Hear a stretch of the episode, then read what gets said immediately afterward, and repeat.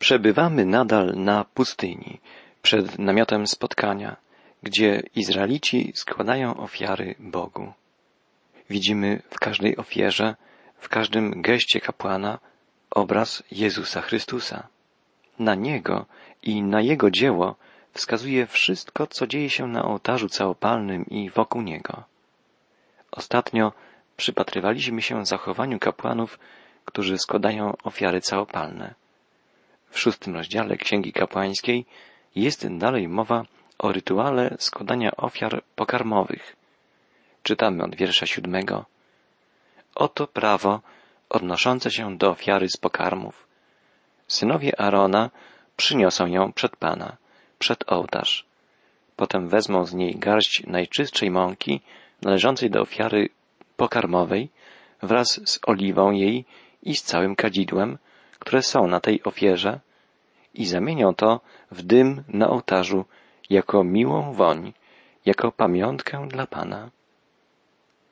Widzimy, że ponownie Boża instrukcja dotyczy kapłanów.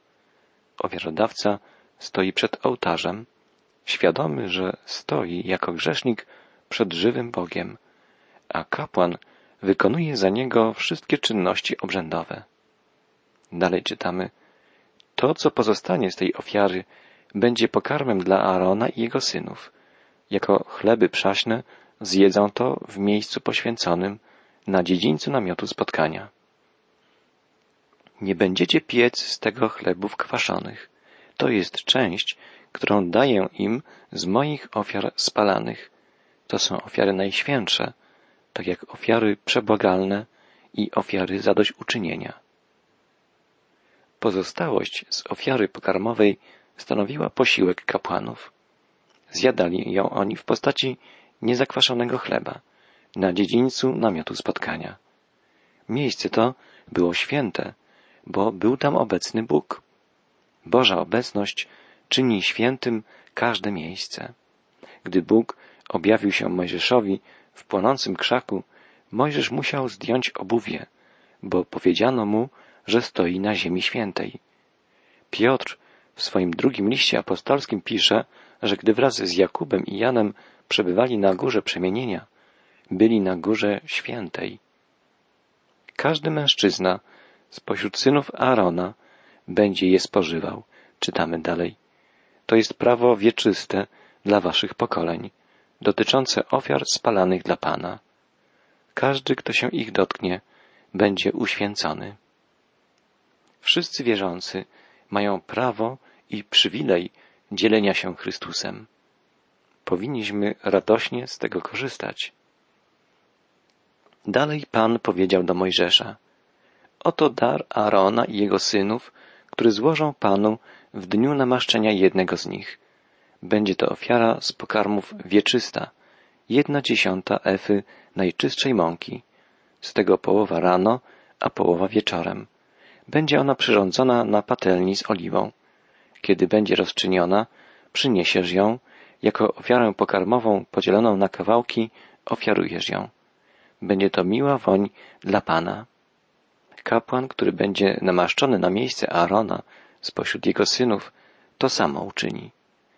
To jest należność wieczysta dla Pana. Ta ofiara będzie w całości zamieniona w dym. Każda ofiara pokarmowa kapłana będzie w całości spalana. Nic z niej nie wolno zjeść. Kapłani nie tylko spożywali część ofiar pokarmowych, ale składali z nich w ofierze dziesiątą część. Duchowni służący dziś w kościołach chrześcijańskich powinni wzorować się na ich przykładzie. Powinni uczestniczyć w ofiarach, w dawaniu na Boże cele razem z innymi wierzącymi. Szósty rozdział Księgi Kapłańskiej kończy opis postępowania przy składaniu ofiar przebłagalnych. Czytamy, dalej Pan powiedział do Mojżesza, tak powiedz do Arona i jego synów. To jest prawo odnoszące się do ofiary przebłagalnej. Na tym samym miejscu, na którym będzie zabijana ofiara całopalna, będzie także zabijana ofiara przebłagalna przed Panem. To jest rzecz bardzo święta. Kapłan, który będzie składał ofiarę przebłagalną, będzie z niej spożywał. na miejscu poświęconym będzie spożywana, na dziedzińcu namiotu spotkania. Każdy, kto dotknie jej mięsa, będzie uświęcony. Jeżeli trochę z jej krwi skropi ubranie, to miejsce owo, które krew skropi, ma być wyprane w miejscu poświęconym. Jeżeli to mięso było gotowane w naczyniu glinianym, naczynie owo będzie rozbite. Jeżeli zaś było gotowane w naczyniu miedzianym, będzie ono wyszorowane i wypłukane wodą. Każdy mężczyzna spośród kapłanów będzie spożywać z niej. To jest rzecz bardzo święta. Ale jeżeli część krwi z ofiary przebłagalnej była wyniesiona do namiotu spotkania, aby w miejscu świętym był dokonany obrzęd przebłagania, to nie wolno jeść z tej ofiary. Będzie ona cała spalona w ogniu. Ofiara przebłagalna, wskazująca na dzieło Jezusa na krzyżu, była zabijana w tym samym miejscu, co ofiara całopalna, wskazująca na samego Chrystusa. Jezus jest święty, bez grzechu. Tak samo doskonałe jest Jego dzieło. Jezus narodził się z dziewicy za sprawą Ducha Świętego. W Jego życiu od początku do końca nie było grzechu. Chrystus był bezgrzeszny, lecz został uczyniony grzechem dla nas. Mój i Twój grzech, nie Jego, sprawiły, że musiał umrzeć. Jezus nie dlatego zginął, że znienawidzili go żydowscy przywódcy religijni lub że aresztowali go Rzymianie. Mógłby stąpić na ziemię w jakimkolwiek innym momencie i wydarzyłoby się to samo. On zginął jako zastępcza ofiara za Twój i mój grzech. Zmarł w nasze miejsce, byśmy mogli żyć wiecznie. Następny, siódmy rozdział Księgi Kapłańskiej przynosi opis rytuału składania ofiar zadośćuczynienia i ofiar biesiadnych. Te dwa rodzaje ofiar miały bardziej osobisty charakter niż pozostałe ofiary. Ofiary zadośćuczynienia dotyczyły wykroczeń jednostkowych, nie zbiorowych. Ofiary biesiadne zaś były obrazem udziału w społeczności z Bogiem. Cieszyć się taką więzią z Panem mógł tylko ten, kto osobiście był z nim pojednany. Najwięcej uwagi tekst poświęca tu kapłanom. Jest to obraz dzieła Jezusa, wykonanego dla nas na ziemi i ciągle wykonywanego w niebie. Jezus, przebywając po prawicy Ojca, wciąż zabiega o nasze zbawienie. Stale pragnie nas przemieniać, oczyszczać. Jeśli wyznajemy swoje grzechy, On jest wierny i sprawiedliwy i odpuści nam grzechy i oczyści nas od wszelkiej nieprawości. Oto prawo odnoszące się do ofiary zadośćuczynienia. Jest ona rzeczą bardzo świętą. Na tym samym miejscu, na którym będą zabijać ofiarę całopalną, będą także zabijać ofiarę zadośćuczynienia. Krew jej wyleją dokoła ołtarza, ale cały jej tłuszcz będzie złożony w ofierze. Ogon, tłuszcz, który okrywa wnętrzności, obie nerki i tłuszcz, który jest na nich. Kapłan zamieni to wszystko w dym na ołtarzu jako ofiarę spalaną dla Pana. To jest ofiara zadośćuczynienia. Ofiary przebłagalne i ofiary zadośćuczynienia podlegają temu samemu prawu. Będą one należały do tego kapłana, który dokonuje obrzędu przebłagania. Ofiara zadośćuczynienia jest rzeczą bardzo świętą, mimo że jest związana z grzechem popełnionym przez ofiarodawcę. Sprawia to Chrystus. Kiedy widzimy, jak grzeszna jest nasza natura i nasze postępowanie, widzimy też równocześnie cudowność i świętość Chrystusa, który nas oczyszcza. Dopóki nie zobaczymy swojej grzeszności, nie odczujemy potrzeby przyjęcia Zbawiciela. Jezus nie będzie nam potrzebny. Biblia uświadamia nam, że każdy z nas jest grzesznikiem i że każdy z nas potrzebuje odkupienia. Jeśli tego nie dostrzegamy, tkwimy w stanie oddalenia od Boga. Czytamy dalej, jeżeli kapłan składa za kogoś ofiarę całopalną, to otrzyma skórę zwierzęcia, które złożył w ofierze. Skóra zwierzęcia nie była spalana, otrzymywał ją kapłan. to obraz okrycia wierzącego człowieka sprawiedliwością Chrystusa. Bóg Ojciec widzi nas ukrytych w Chrystusie, osłoniętych Jego doskonałością. Jesteśmy usprawiedliwieni na podstawie wiary w Jezusa Chrystusa. Jezus, opowiadając przypowieść o uczcie weselnej, wspomniał o człowieku, który nie przywdział szaty weselnej. Został wyrzucony z przyjęcia. Grzesznik, nieokryty sprawiedliwością Chrystusa, jest zgubiony. Także i każda ofiara pokarmowa upieczona w piecu, czytamy dalej, albo przyrządzona w kociołku lub na patelni, będzie należeć do tego kapłana, który ją złożył.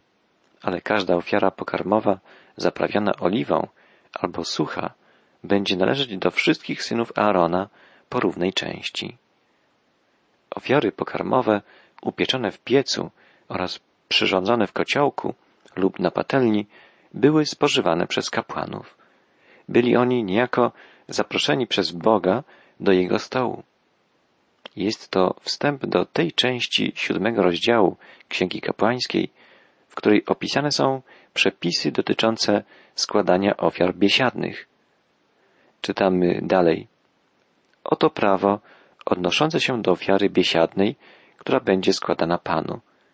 Jeżeli kto składa ją jako ofiarę dziękczynną, to dołączy do tej ofiary dziękczynnej także i placki przaśne, rozczynione oliwą i przaśne podpomyki z najczystszej mąki zaprawionej oliwą będą przyrządzone. Tutaj podkreślony jest fakt, że ofiara składana była z własnej woli. Miała charakter dziękczynny. Ta ofiara ma więc dla wierzącego człowieka szczególne znaczenie. W liście do Hebrajczyków czytamy Przez Chrystusa składajmy więc Bogu ofiarę czci ustawicznie, to jest owoc warg, które wyznają Jego imię. Owocem naszych warg powinno być uwielbienie dla Boga. Pomyślmy o słowach, które najczęściej goszczą na naszych ustach. Chrześcijanin nie powinien być kimś, kto ciągle narzeka czy krytykuje. Wdzięczność powinna być czymś, co cechuje człowieka wierzącego. Powinna nas cechować wdzięczność wobec Boga i wobec ludzi. Dalej czytamy, obok placków z ciasta kwaszonego będzie złożony jego dar poza ofiarą dziękczynną biesiadną. Z każdego rodzaju darów ofiarnych będzie odłączony jeden jako dar szczególny dla Pana. Otrzyma go kapłan, który pokropi krwią ofiary biesiadnej. W wersecie dwunastym mowa była o plackach i podpłomykach przaśnych, niezakwaszonych. W wersecie trzynastym natomiast czytamy o cieście kwaszonym. Dlaczego w tym wersecie jest mowa o cieście zaprawionym kwasem, skoro wiemy, że kwas symbolizuje zło? Jest tak dlatego, że w dwunastym wierszu zawarty jest obraz Chrystusa jako czyniciela pokoju, doskonałego pośrednika pomiędzy Bogiem i człowiekiem, natomiast w wierszu trzynastym znajdujemy obraz samego ofiarodawcy, człowieka, który składa dziękczynienie za przyjęcie go do stołu zastawionego przez Pana. Jego grzech został przebaczony. Przywrócony został pokój w jego relacji z Bogiem, ale jest on nadal grzesznikiem. Zło nadal występuje w jego życiu. Stąd obecność kwasu w składanej przez niego ofierze. Pokój z Bogiem nie opiera się na doskonałości człowieka, pozostającego w osobistej więzi z Panem. Nie wynika on z osiągnięcia przez wierzącego doskonałości. Apostoł Jan pisze, jeśli twierdzimy, że nie ma w nas grzechu, oszukujemy samych siebie i nie ma w nas prawdy. Wierzący ma wyznawać każdy grzech Bogu, prosić o przebaczenie i o oczyszczenie i kroczyć przez życie w mocy Ducha Świętego. Apostoł Paweł w liście do Rzymian pisze, grzech nie powinien nad wami panować. W ofierze biesiadnej składano również zakwaszony chleb. Grzesznik oddawał go Bogu. Tak nasze serca winny być otwarte przed Bogiem, a naszą modlitwą mogą na co dzień być wspomniane już przez nas słowa wyjęte z psalmu 139. Badaj mnie, Boże, i poznaj me serce. Doświadcz i poznaj moje troski. I zobacz, czy jestem na drodze nieprawej, a skieruj mnie na drogę odwieczną. Przeczytajmy dalszy opis składania ofiar biesiadnych zamieszczony w siódmym rozdziale Księgi Kapłańskiej. Czytam od wiersza piętnastego. Mięso dziękczynnych ofiar biesiadnych musi być zjedzone tego samego dnia. Nie wolno zostawiać z niego nic aż do rana. Ofiara biesiadna była spożywana od razu. Nie wskazane było zwlekać. Powinniśmy trwać nieustannie blisko Chrystusa. On wnosi pokój w nasze serca, daje moc do odpierania pokus. Drogi słuchaczu, trwaj przy Chrystusie, bądź cały czas blisko Niego. On daje swój pokój tylko tym, którzy powierzyli Mu swoje życie, którzy zaufali Mu i pozwalają Mu się prowadzić. Kiedy przekonasz się, jak cudownym Panem jest Jezus, Boży pokój wypełni Twoją duszę. To jest wymowa ofiary biesiadnej, obraz przebywania i ucztowania z Bogiem za zastawionym przez Niego stołem, stołem zbawienia i pokoju. I ma to być ucztowanie codzienne. Czytamy dalej, także i mięso, które się zetknęło z czymś nieczystym, nie może być jedzone. Powinno być spalone w ogniu. Poza tym, każdy, kto jest czysty, może jeść mięso. Jeżeli jednak kto, będąc w stanie nieczystości, będzie jadł mięso z ofiary biesiadnej, które jest dla Pana, będzie wykluczony spośród swego ludu. Człowiek pozostający w stanie grzechu nie może uczestniczyć w uczcie Pana. Jeśli nie wyzna swego grzechu i nie przyjmie Bożego przebaczenia, nie będzie dla niego miejsca pośród Bożego ludu. Czytamy dalej. Pan powiedział do Mojżesza, powiedz Izraelitom, nie wolno wam jeść tłuszczu cielców, owiec i kus. Wolno się posługiwać dla różnych celów tłuszczem zwierząt padłych lub rozszarpanych, ale nie wolno go jeść. Gdziekolwiek będziecie mieszkać, nie wolno wam spożywać żadnej krwi, ani krwi ptaków, ani krwi bydląt. Ktokolwiek spożywa jakąkolwiek krew, będzie wykluczony spośród swego ludu. Mówiliśmy już o tym, dlaczego Bóg zabronił swemu ludowi spożywania krwi i tłuszczu. Zakaz spożywania krwi wynikał z potrzeby nieustannego przypominania o Bożej drodze ratunku, o odkupieniu człowieka poprzez przelanie krwi ofiary zastępczej, Zbawiciela, Jezusa. Nie wolno było także spożywać tłuszczu, bo należał on do Pana, jako znak dorodności, okazałości zwierzęcia ofiarnego. Dalej Pan powiedział do Mojżesza, kto chce złożyć Panu ofiarę biesiadną, przyniesie dar swój Panu, wzięty ze swej ofiary biesiadnej. Własnoręcznie przyniesie ofiary spalane dla Pana. Potem na ołtarzu kapłan tłuszcz zamieni w dym, a mostek będzie dla Arona i jego synów. Także i prawą łopatką oddacie kapłanowi jako część kapłańską z ofiar biesiadnych. Ten spośród synów Arona, który składa w ofierze krew i tłuszcz ofiar biesiadnych, otrzyma jako swoją część prawą łopatkę. Bo mostek kołysania i łopatkę podniesienia biorę od Izraelitów z ich ofiar biesiadnych i daję je Aaronowi, kapłanowi i jego synom, jako należność wieczystą od Izraelitów. Aaron, jego synowie i wszyscy kapłani składający ofiary biesiadne spożywali określone części mięsa zwierzęcia, mostek i łopatkę. Mostek, czyli pierś zwierzęcia, wskazywała na miłość Chrystusa. Bóg dał dowód swojej miłości ku nam przez to, że kiedy jeszcze byliśmy grzesznikami, Chrystus umarł za nas. Czytamy w liście do Rzymian. Z Chrystusem jestem ukrzyżowany. Żyję więc już nie ja, ale żyje we mnie Chrystus, a obecne życie moje w ciele jest życiem w wierze w Syna Bożego, który mnie umiłował i wydał samego siebie za mnie. Tak wyznaje apostoł Paweł w liście do Galacjan. A apostoł Jan pisze, że Jezus, umiłowawszy swoich, którzy byli na świecie, umiłował ich aż do końca. Prawa łopatka, czyli ramię zwierzęcia, wskazuje natomiast na moc Chrystusa. On jest w stanie zbawić nas raz na zawsze, na wieki. Owce moje głosu mego słuchają i ja znam je, a one idą za mną. I ja daję im żywot wieczny i nie giną na wieki i nikt nie wydrze ich z ręki mojej. To jest gwarancja mocy Jezusa Chrystusa. Jest On jedno z Bogiem Ojcem. Nikt nie wyrwie nas z ręki Boga. Mostkiem, czyli piersią zwierzęcia, wykonywano gest kołysania. Poruszano tą częścią ofiary w górę, ku niebu i w dół ku sobie. Wyrażało to pragnienie oddania czci Bogu i zjednania sobie Jego łaski. Pojednanie człowieka z Bogiem stało się rzeczywistością dzięki Jezusowi. To miłość i posłuszeństwo Chrystusa otwarło nam drogę do Boga Ojca. Wszystkie ofiary składane przez Izraelitów w Starym Testamencie nie stanowiły same w sobie wartości kompletnej.